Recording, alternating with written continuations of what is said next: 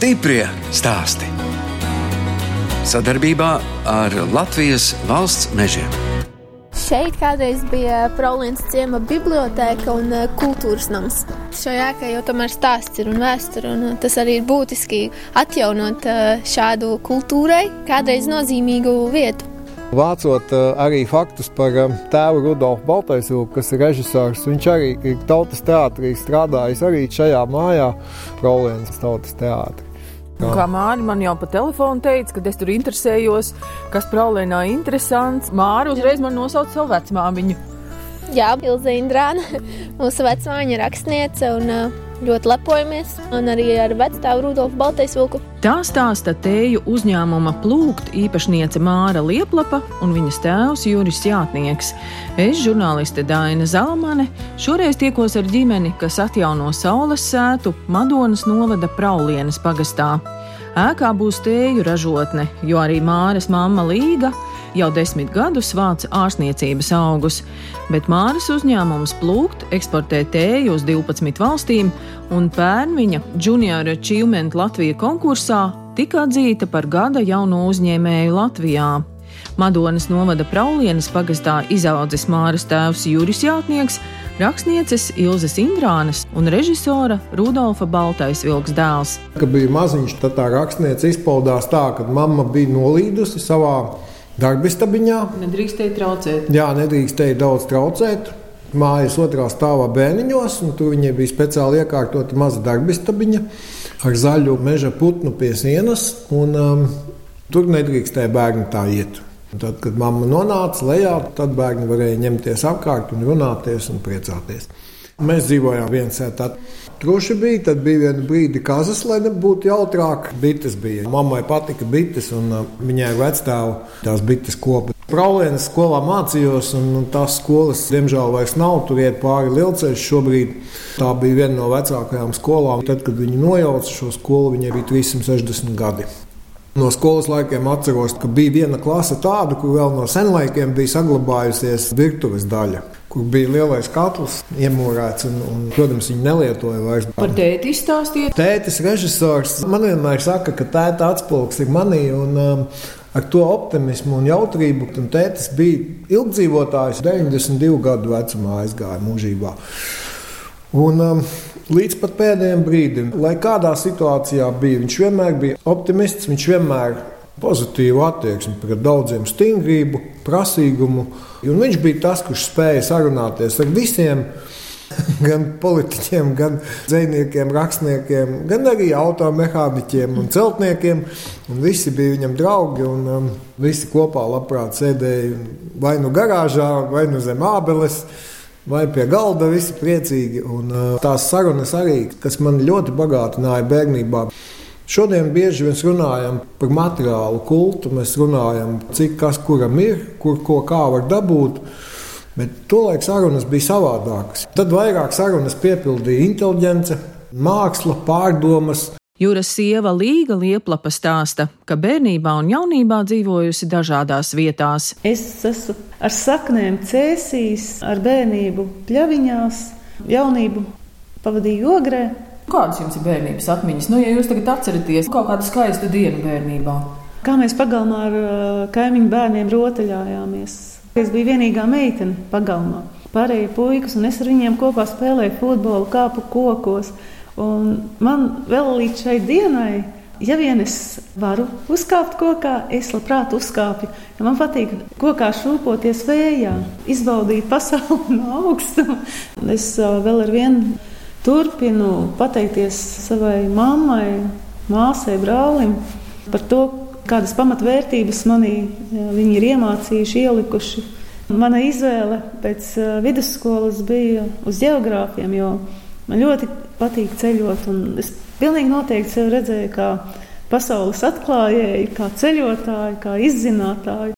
Māra Lieplapa izaugusi lielā ģimenē. Viņai ir trīs brāļi. Ilgu laiku biju jaunākais bērns visā radu bandā. Līdz ar to patstāvīga biju. Nopietnāka noteikti nekā visi pārējie. Bērnība bija forša. Es gāju gan dejot, gan mācījos mūzikas skolā violi, dejoju tautas dejas un hip hopu. Un uh, gāju uz daudz dažādiem pulciņiem. Man liekas, to var redzēt arī tagad uh, uzņēmumā, ka es tiešām piedalos ļoti daudz pasākumos un konferencēs, aktivitātēs. Visur, kur vien var kaut ko iemācīties vai uzzināt vairāk, tur es esmu. Tā kā bērnība bija ļoti jauka. Bija forši augt uzņēmīgā ģimenē, jo vecāki vienmēr mudināja darīt to, ko patīk, un neko neliedza. Tas man liekas ļoti vērtīgi. To var redzēt arī brāļos, ka viņi ir patstāvīgi un īsteno savas ieceres. Tas ir pozitīvi. Jūs arī Madonas gimnājā mācījāties? Jā, man bija skolēnu mācību uzņēmums Comforts, ko mēs izveidojām ar labāko draugu. Mēs šuvām spilventiņus, kuri pildīti ar kviešu graudiem. Tos var uzcildīt, un tad divas stundas tie saglabā siltumu un var izmantot galvas sāpēm, kakla sāpēm. Madonas gimnāzija, man liekas, nevienreiz vien ir izcēlusies Latvijā. Droši vien ļoti labi skolotāji. Jā, jā skolotāja Iveta Vabule. Viņa šobrīd vada Madonas Lijā biznesa inkubatoru. Arī plūkt ir inkubatorā. Tur ir liels arī viņas nopelns, ka tiešām jau kopš 7. klases gimnazistiem ir iespēja radīt savus uzņēmumus, viņiem tiek sniegts atbalsts un pirmā pieredze. Un es redzu, ka ļoti daudzi, kur izveido mācību uzņēmumus, pēc tam arī izveido savus. Juris Jātnieks ilgus gadus bija teiču rezervāta direktors, arī citi viņa darbi bija saistīti ar dabas aizsardzību. Tagad viņš ir vides konsultatīvās padomas priekšsēdētājs. Šobrīd arī gribu uzsvērt, paskatoties tos 30 gadus atpakaļ, kad teiču un krustkalnu rezervāti, viņi varēja arī nebūt, ja nebūtu tolaik mūsu apņēmības, pārliecības, nesautīga darba pēc neatkarības atgūšanas Visas šīs zemes, kas ir rezervāta, šobrīd liela daļa no tām varēja tikt privatizētas. Meži varēja tikt nocirsti, no kura arī varētu būt savādāk. Kūdras ieguve varētu būt sākusies. Tā kā to uzskatu tiešām par mūža sasniegumu, ka tie rezervāti ir. Ir tādi likumi, kuri ir tik stingri, kurus būtībā mēs paši savā laikā, arī teiču rezervāta administrācijas cilvēki, arī sagatavojām. Jo visi turēja ļoti augstu ikvienu Latvijas nacionālo bagātību, dabas bagātību, cilvēku kapitālu novērtēja. Šobrīd vairāk tiek vērtēts ekonomiskais pieaugums. Tas zināmā mērā ierobežo Latvijas izaugsmu. Māra stāsta, ka viņas māma Līga Lieplapa ir ļoti stipra sieviete. Viņa strādāja ikdienas darbu, Rīgā. Viņa reti bija mājās, un uh, atvērt savu tēvu biznesu bija viņas ceļš uz brīvību. Jo tajā laikā bija krīze, piedzima mazais brālis, un mamma uzsāka biznesu. Mārai taisnība, tas bija tāds brēciens bez brīvības. Līga, bet jūs esat inženierzinātņu doktore un Rīgas Tehniskajā universitātē lasījāt lekcijas. Mm, jā, tā bija. Es strādāju vēl ar vienu savā nozarē, vidas aizsardzībā. Sniedzu gan konsultāciju, gan pētniecības pakalpojumus. Līgai liela pieredze karjeru krājuma novērtēšanā, gruntsūdeņu izpētē, pie arktēziskajiem urbumiem daudz ir strādājusi. Pie HESA tātad ļoti būtiskas lietas ir darījusi savā laikā. Šobrīd var strādāt arī pie teritoriju attīstības plānojumiem, strateģiskiem ietekmes uz vidi novērtējumiem. Tas tāds ļoti plašs spektrs. Kur jūs to visu darāt šeit, vidzemē? Pa visu, visu Latviju. Latviju jā. Man ir arī startautiski projekti bijuši kopā ar Latvijas valsts ceļiem nopietns darbs. Un tad tās tējas varbūt ir tāda iespēja druskuļi. Tā ir relaksācija, tā ir cita vide. Man ir milzīgs gandarījums par to, ka es ļoti labi pārzinu gan privāto biznesu, gan valsts biznesu, jo es desmit gadus esmu strādājis reģionālajā vidas pārvaldē Madonā. Tāpēc es varu labi saprast gan vienu, gan otru pusi un novērtēt šī brīža birokrātiju.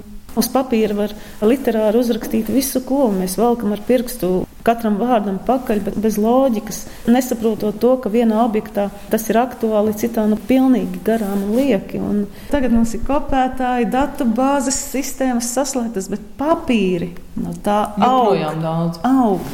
Ja nav noreglamentēts, mēs nezinām, ko iesākt vairs. Tas nav normāli. Stiprie stāsti.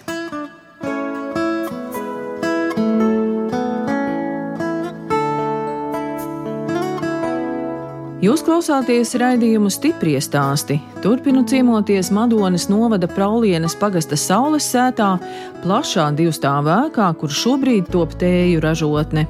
Atjaunoto ēku apskatu kopā ar Juri Jātnieku un viņa meitu Māru. Remonta darbi ir noslēguma fāzē pašlaik. Tikai apgabals darbi pēdējie tiek veikti, piesistas līstītes, šur tur kaut kas nokrāsots. Māja ir vēsturiska, viņa ir celta vismaz pirms simts gadiem. Kā sabiedriskā ēka, kā kultūras nams, kā klubs, kā ciema padome, pagasta valde. Šī ēka bija faktiski sabrukusi. Jums bija iebrucis vienā daļā, piebūves daļa bija sabrukusi. Vai tu baigi te ražot ne tik lielu māju? Vajag, vai mēs tā strauji augam un attīstāmies, tad gan iegādātas iekārtas, gan arī tie apjomi palielinās. Šeit ir domāts tādas ražošanas telpas, viss, kas ir flīzēs, tas ir ražošana, bet no viņas ir izbūvētas tomēr tādas, lai patīkami ienākt. Nu jā, vienā telpā tur ir zaļas flīzes, un šeit ir atkal tādas oranžs, balts. Oranžs. Un tālāk mums vēl ir arī violētas. Šeit mums pagaidām stāv krājumi ar iepakojumu. Kamēr vēl pārvedam no mazās teinīcas visas iekārtas, kuras būs šajās telpās, tad tā vien būs. Kas jums tās pa krāsnīm skaistām? Krāsnes saglabājām vecās, atjaunojām, arī apdaru uztaisījām. Interesantu. Vecās malkas krāsnes. Malkas krāsnes, jā. Šito kurināšanu. Jā, bet tā ir lielā mērā tāda neatkarība, un uh, tas arī nozīmē to, ka krāsnes jau saglabā siltumu vairākas dienas. Droši vien lētāk arī būs, vai ne? Nu, jā, katrā ziņā meži malkas pilni, un uh, pašiem savi meži arī ir līdz ar to šādu 700 kvadrātmetru ēku apkurināt, protams, ar kaut kādiem citiem resursiem, granulām vai ko tās būtu ļoti lielas izmaksas. Protams, nākotnē skatāmies uz uh, siltumsūkņiem kombinācijā ar saules paneļiem, kas radītu elektrību priekš siltumsūkņu darbināšanas. Nu, kāpjam augšā! Kādi skaisti bēniņi un cik daudz gaismas! Jā. Šeit augšstāvā mums būs galvenā tēju žāvēšanas vieta. Plānojam izvietot sietus un augstā temperatūrā žāvēt augus dabīgi. Te būtu brīnišķīgi kaut kāda semināra zāle. Jā, noteikti arī pēc kāda laika varētu šo telpu izmantot arī saviesīgiem pasākumiem. Tad, kad atsadzās visa senā konstrukcija savā skaistumā, kad mēs viņu attīrījām no visa un uh, gadījās dabūt arī tādas piemērotas logus. Principā viņi ir jauni, bet viņi ir atdarināti. Jā, jo tā apakšdaļa ir tā kā uz divām pusēm, jā, varam, un jā, jā. augšā ir desmit rūta salikums. Ļoti šeit iedarās, jā, tajā visā senatnīgajā, un, un arī par koka grīdu izšķirāmies koks šeit iedarās ļoti labi. Tāpēc arī margas likām varbūt tādas ar metālu, lai nav par daudz koka, lai tas metāls arī ar to visu kopā līdzsvarot. Tāda interesanta sakritība. Šajā ēkā es arī ar savām pirmajām balītēm nācu un, un pirmās diskotēkas vadīju. Jā. Tas tā interesanti, ka šobrīd atkal, atkal esam šeit. Un kur bija tā zāle, kur jūs te dejojāt? Tāda maziņa, tomēr tā maziņa. Jā, ir labi. Un simt cilvēki te varētu, vai ne? Jā, simt, simt cilvēkiem arī ir, un šobrīd mēs viņu arī kā zāli saglabājam. Un šeit ir um, karstā gaisa kamīns, kas iet cauri divām sienām. Apkurina vairākas istabas. E, nu, viņš apkurina faktiski augšu. Viņam ir izbūvēta šie karstā gaisa kanāli, kas iet uz to otro stāvu. Faktiski visa tā telpa, kas ir 280 km2, otrā stāva telpa. Karstais gaiss viss caur šo kamīnu uzkarst un iet augšā. Kamīns ir salikts kopā no divām lielām kurtuvēm. Kopā viņi veido 32 kW krāsni apmēram 70 cm gara pagali var dabūt iekšā, un tas tomēr ir ilgi degs. Ilgi degs un, un daudz brīdi. siltuma būs. Jā. Nu, redz, Mārta, tētim ir kur izpausties, vai ne? Ir noteikti. Ir. Juri, jūs esat bijis nu, ļoti aktīvs savā darbā. Kā ir tagad, kad jūs esat vairāk pievērsies arī ģimenes biznesam? Un četrus gadus jau jā, rūpēties par to, lai šī senāta tiktu atjaunota. to es esmu darījis, cik, cik varējis paralēli pamatdarbam, paralēli savam augotajam darbam, bet tagad pēdējā laikā tiešām augotu darbu nestrādāju. Un, protams, lielā mērā būt sava laika un, un, un savas izvēles noteicējiem, tā ir liela dāvana. Māmai un meitai, Līgai un Mārai, tagad ir katrai savs uzņēmums ar atšķirīgu koncepciju. Līga pirms desmit gadiem izveidoja uzņēmumu 55 mārītes, kas vāc un tirgo zāļu tējas Latvijā. Mēs izēvielas iegūstam savos zemes īpašumos. Ja mēs neesam lauksaimnieki un mēs redzējām, labāko pielietojumu savām zemēm, nevis apart un nodarboties ar graudkopību. Vākt tējas. Viņš jau arī teica, kur jums tās 100 hektāri zemes, bet tur ir aiviekstes, krasti un pļaviņas un visādas tādas vietas. Jā. Nu, lūk, te ir atkal ar bioloģisko daudzveidību jāsasaista tas viss, jo mums ir svarīgi, lai mēs varam tās tējas ievākt, mums ir jārūpējas par pļavām, lai viņas ir daudzveidīgas. Mums ir tā specifika tāda, ka mēs pēc iespējas vācam savvaļā augus, jo augs kā dzīves organisms izvēlas labākos augšanas apstākļus un nevis piespiedu audzēšanu, barošanu ar minerālu mēsliem un tā tālāk. Pēc maniem uzskatiem šādi dabā augoši augi ir ar labāku enerģiju, ar sabalansētāku sastāvu ķīmisko. Tēju ražotnē uz banera attēlots Māras lieplapas uzņēmuma nosaukums un zīmols plūkt. Māra banku augstskolā mācījās inovācijas un produktu attīstību, un savas zināšanas tagad liek lietā, tirgojot tējas maisiņos, kas safasētas skaistās metāla kārbās. Pirms diviem gadiem plūkt Junior Achievement Latvija konkursā tika atzīts par gada jaunu uzņēmumu Latvijā un otro labāko Eiropā. Sākām ar eksporta tirgu, līdz ar to mums arī iepakojums produkti pamatā ir angļu valodā. Vārds plūkt. Angliski nozīmē tieši to pašu plūkt, ievākt, bet uh, izrunā plakt. Un arī uh, zviedru valodā līdzīgi, un uh, principā daudzās valodās tas rezonē kā plūkta, kas mums bija arī ļoti svarīga, lai uzreiz rodas tā asociācija ar tējām, ar augiem. Un šeit ir Māra, tie jūsu produkti, kas jau jā, tie izstrādāti, ir jūsu vadībā. Ja? Jā, tie ir plūkta produkti. Tās mums ir tējas izlases. Un tāds jaunums, inovatīvs mums ir uh, Nordic Black tēja, kas ir uh, ziemeļu melnā tēja, jeb fermentēta ugunspuķa. Mēs izvēlējāmies šādu konceptu, lai mēs varam būt pēc iespējas vairāk tādos tirgus segmentos ar melno tēju un zaļo tēju. Un, uh, tas īpašais ir, uh, ka šīs tējas ir piramīdas maisiņos, kuri sadalās vidē. Šie konkrētie mums ir no kukurūzas šķiedras, ir kompostējumi. Tas ir materiāls pirms apstrādes. Tad mēs to ievietojam iekārtā, un iekārtā ar ultraskaņas palīdzību tie tiek sakausēti. Līdz ar to mums ir arī tā ražošanas kapacitāte, un mēs varam strādāt ar uh, lielākiem izplatītājiem. Un tādu kukurūzu šķiedru, kur jūs ņemat? Tur mums ir um, sadarbības līgums ar piegādātāju. Jā, ārzemēs. ārzemēs. Nosmaržoja, cik skaisti. Jā, tur mums sastāvā ir arī piparmētra un uh, jasmīns. Kopumā mums šajā ziemeļu plūkta līnijā ir četri produkti. Ir divi tēju maisījumi. Viens no tiem mums ir ziedu maisījums, kur ir um, astoņi dažādi ziedi. Ļoti krāsains. Līdz ar to tas ir gan tāds garšas, gan vizuāls baudījums. Bet tie arī visi maisiņos. Jā? Arī visi maisiņos, jā.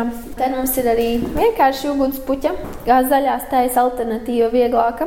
Un tad ir arī vēl viens maisījums, vairāk tāds ziemas, kas saucās uh, Baltā nakts. Un tur ir patiešām visaromātiskākie tādi meža augi. Avene ir astpodiņš, ļoti mentoliska piparmētra, jasmīns, upenes. Un te vienkārši ir papīra iesaiņojumā. Jā, jā, kartona paciņās mums ir paši pirmie produkti, kas plūktam radās pirms diviem gadiem. Bet tā ir beramatēja. Tā ir beramatēja, kā tas ir ierasts. Iepakojumā ir iesādāts herbārijs, līdz ar to tie nav fotografēti augi, nav zīmēti, bet iztīrīti, ieskanēti, lai cilvēkam ir tieši šī iespējas par to, kā izskatās šis augs un um, cik vizuāli skaisti tas aug dabā. Tas plūkt ir vairāk uz eksportu orientēts. Ja? Jā, mums šobrīd ir 12 valstīs, 15 veikalos iegādājami produkti. Ar to mēs arī sākām, un Latvijā īstenībā tikai no pagājušā gada septembra ir iespējams iegādāties. Smagākais ir tas mārketings, jo saražot var visi tējas. Svarīgi ir pārdot. Tad jūs droši vien vēl vairāk novērtējat to, ko Māra ir ienesusi jūsu biznesā. Ļoti. Es ļoti novērtēju viņas zināšanas, viņas apņēmību, drosmi. Jaunam cilvēkam tik mērķtiecīgi, tik pārliecinoši un kvalitatīvi strādāt. Mārketinga pārdošanas daļa tas ir vairāk par ko es atbildu. Un, um, no, no mammas ir uh, zināšanas un visa tā praktiskā puse par augiem. Jo mēs vairāk esam tādās jaunu uzņēmumu konferencēs eh, vai apgrozamies pie startup uzņēmumiem un eh, ļaujam degustēt tās mūsu tējas. Jo vairāk ir novērojama tā tendence, ka tiešām ļoti garšīgi, un līdz šim es dzēru, varbūt tāpēc, ka man uh, sāpēja kakls, es meklēju zāļu tējas. Bet, jā, ir interesanti redzēt, ka cilvēkiem tas ir atklājums. Un mūsu melnotēju labprāt lieto arī tie, kuri ikdienā vispār dzer kafiju. Ar tējām Līga un Māra piedalās dažādās izstādēs. Janvārī Līga Lieplapa bija Berlīnes zaļajā nedēļā. Tur mēs arī testējam savus produktus, kā cilvēkiem patīk. Katru gadu mēs cenšamies aizvest nedaudz citu sortimentu. Es teiktu, ka ir ļoti labi rezultāti. Nu, ko saka par tējām? Vāciešu dzērtējus? Viņiem interesē mūsu daudzveidība. Ja grib kaut ko pārdot, arī jādod degustēt. Cilvēki atgriežas, katru gadu nāk ar vienu un iepērkas. Es daudzus cilvēkus sejā zinu, un, un tas ir ļoti patīkami. Bet droši vien tas arī nav viegli. Cik ilgi iet no vesela nedēļa? Desmit dienas. Desmit dienas. Desmit dienas jā. Katru dienu stāstīt vienu un to pašu un smaidīt. smaidīt ir obligāti. Savādāk nedrīkst. Es ilgāk par piecām dienām fiziski nespēju. Man ir labi kolēģi, kas palīdz, jo tās ir milzīgas cilvēku masas, burzma visas dienas garumā. Fona troksnis, milzīgs mūzikas un viss kaut kas tur tiešām emocionāli un tāda garīga spriedze. Kas tad vēl šogad bija Latvijas stendā? Medus, ļoti daudzveidīgs, bišu produkti, ziedputekšņi, maize, gaļa, skrīveru gotiņas, skrīveru saldējums. Paipa loliņa šogad bija Brīvdabas muzejs ar saviem darinājumiem, dzintaru koku.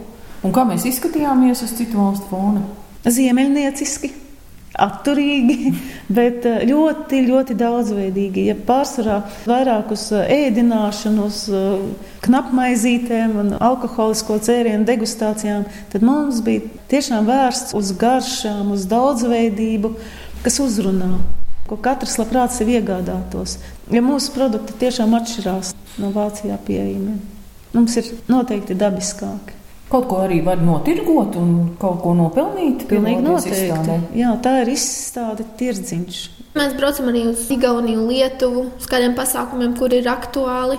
Jo līdz šim tas ir parādījies tāds kā ātrākais veids, kā mēs varam sasniegt eh, jaunus klientus, jaunus partnerus. Uzstāstiet par to Ķīnu. Mēs pirms diviem gadiem, kad izstrādājām plūdu produktus, tad aizsūtījām uz Ķīnu kopā ar pārstāvi uz Pasaules tējas fórumu tādu prototypu variantu mūsu produktam. Un tur mums bija neliels standiņš, kurā bija iespējams arī degustēt mūsu melno tēju. Un, tā bija vislabākā tirgus izpēde, kāda līdz tam brīdim bija bijusi, un ļāva mums izstrādāt tādus skaistus un um, patērētājiem piemērotus produktus. Tie pirmie partneri arī mums bija Ķīnā un Austrālijā.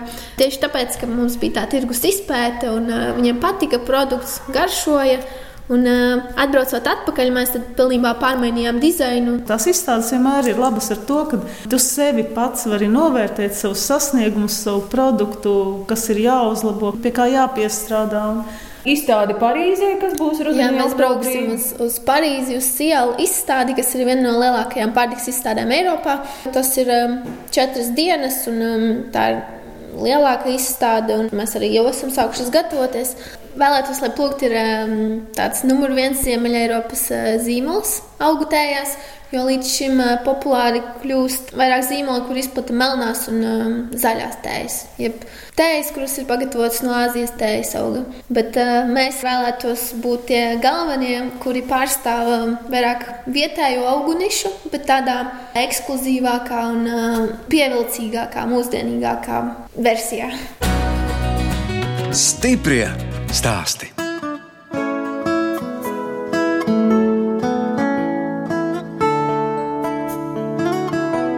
Skan redzējums stipri stāsti. Šoreiz ciemojos Madonas novada Praulienas pagasta saules sētā, kur šobrīd top tēju ražotne. Jaunā uzņēmēja Māra Lieplapa vēl stāsta par saviem trīs brāļiem. Vecākais brālis Jānis ir datu zinātnēks un šobrīd strādā īrijā. Mācījās Vācijā un arī tur dzīvoja un strādāja iepriekšējos vairākus gadus. Brālis eh, Miks arī uzņēmējs, dzīvo tepat Madonā. Līdz ar to ikdienā arī mūs, mūs aktīvi atbalsta. Kādā jomā viņš darbojas? Inženiertehniskie pakalpojumi, bet viņš ir um, ieguvis aviācijas inženieru izglītību un daudzus gadus strādāja aviācijas nozarē, bet atrada par ļoti lielisku dzīvot Madonā. Tomēr daba un brīvība nu, cilvēkam ir ļoti svarīga. Mazais brālis ir skolnieks, Toms, un viņš spēlē čelu un notarbojas ar sportu. Es patiesībā dzīvoju joprojām starp Rīgu un Madonu.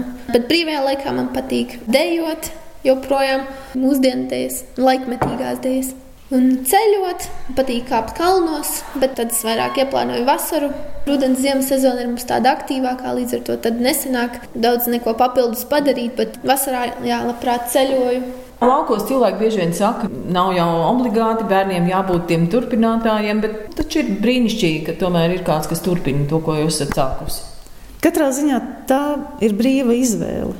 Mēs nekad neesam bērniem uzstādījuši, ka jums jāatgriežas un jums jādara mūsu iesāktais. Lūk, mēs ražotni uzcēlām, tagad vajag sviedriem, tā arī savu mūžu vadiet. Nekad tā nē, tā ir brīva izvēle.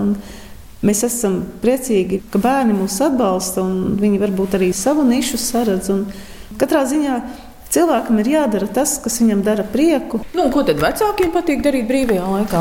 Šobrīd nav brīvā laika kad palaidīsim uzņēmumu šo ražotni kārtīgi, ka viss būs nodots eksploatācijā, tad iestāsies arī kaut kāds brīvais laiks, varbūt.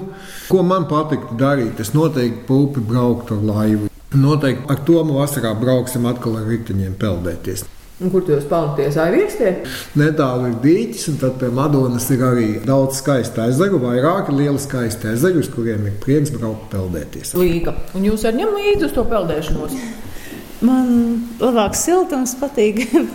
tad, kad es peldos, tad uh, man gribās tā, ka. Um, Kā es iesāku, tā līdz vēlam rudenim. Man patīk kopā ar Juri peldēties. Viņš no rītiem brauc peldēt, un tad pēc peldes es jūtos tādu adrenalīnu saņēmusi. Tas ir atkal sevis tāds pārvarēšanas, un jo vēlāks rudens, jo vairāk adrenalīna. Bet uh, brīvā laikā Juris saka, pareizi, jau sen nav, bet es atkal ceru uz to. Man ļoti patīk ceļot vēl ar vienu. Labprāt ceļojam ar teltīm, paņemot pāris atpūtas dienas, varbūt kādā viesnīcā, bet, ja mēs kaut kur tālumā lidojam, tad uh, vienmēr noīrējam mašīnu un paši savus plānus sastādām. Mums patīk uh, redzēt, kā īsti cilvēki dzīvo, nevis tikai to, ko turistiem rāda. Un, Patīk piedzīvojumi dažādi. Jūs kāds mazbērniņš arī ir? Nē. Nav. Vēl gaidat. Vienmēr visi turējušies kopā, un to es arī pēdējā laikā tā novērtēju. Teiksim, dzirdot, kā ir citiem draugiem vai paziņām, kam vienmēr esam bijuši tuvi ar visiem brālēniem, māsīcām, tantēm, krustvecākiem. Bet uz Ziemassvētkiem jau ir bijis vienmēr pilna māja. Šogad jau arī bija jā, pagājušā gada nogalē. Kas tad mums trūka? Vienīgi Jānis trūka. No, no īrijas, jā, bet Jānis mēs apciemojām īsi pirms gadu bijis, un tad jau viņš varēja arī šurp nebraukt. Tad mēs visi braucām pie viņa. Bet jums arī nu, četri bērni, visus izaudzināt, izskolot, nu, ja ņem vērā. Kādas te augstskolas tik nav beiguši? Bērniem ir uh, diezgan gadu atstarpīte. Trīs, pieci. Jūs ar gudru ziņu, jā, tā? Mēs esam ar milzīgu mīlestību katram pievērsušies, lai viņi izaugtu par laimīgiem, brīnišķīgiem, labiem cilvēkiem. Tā ir Māra. Jā, absolūti. Šodienas tas paustais, ka vajadzīga milzīga materiāla labklājība, lai bērnus izaudzinātu un lai tas viss tā būtu. Bērnam ir vajadzīgs radošums, iedvesma, viņam ir vajadzīga tā mīlestība patiesā. Nekraujiet viņam apkārt plasmasas grabažu kaudzi, no tās viņš dabū alerģiju. Tas ir tas, kas viņu sabojā. Ietīt viņu rozā lanskaros, lupatiņās, visādās apkraut ar, ar mākslīgām rotaļlietām. Piedodiet kociņus, čiekurus, lai paspēlējas akmentiņus. Tā brīvība, tas ir tas, kas to cilvēku dara lielu. Viss ir iespējams. Un kaut kādi ierobežojumi tiek tikai mūsu galvās. Pasakām, nu, ko tad mēs te no laukiem vai no kurienes nu, tad nekas nesanāk. Ja? Bet, ja mēs pasakām, mēs no laukiem ejam pasaulē un varam sasniegt jebko, tad tas ir iespējams.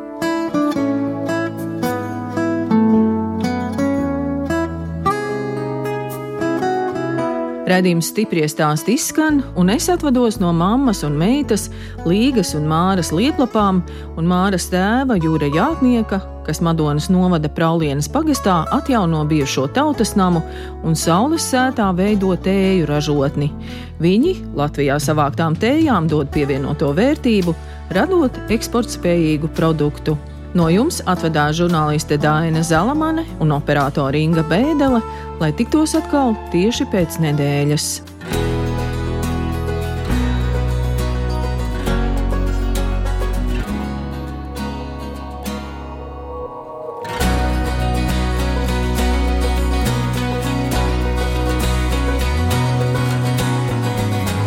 Stiprie stāsti.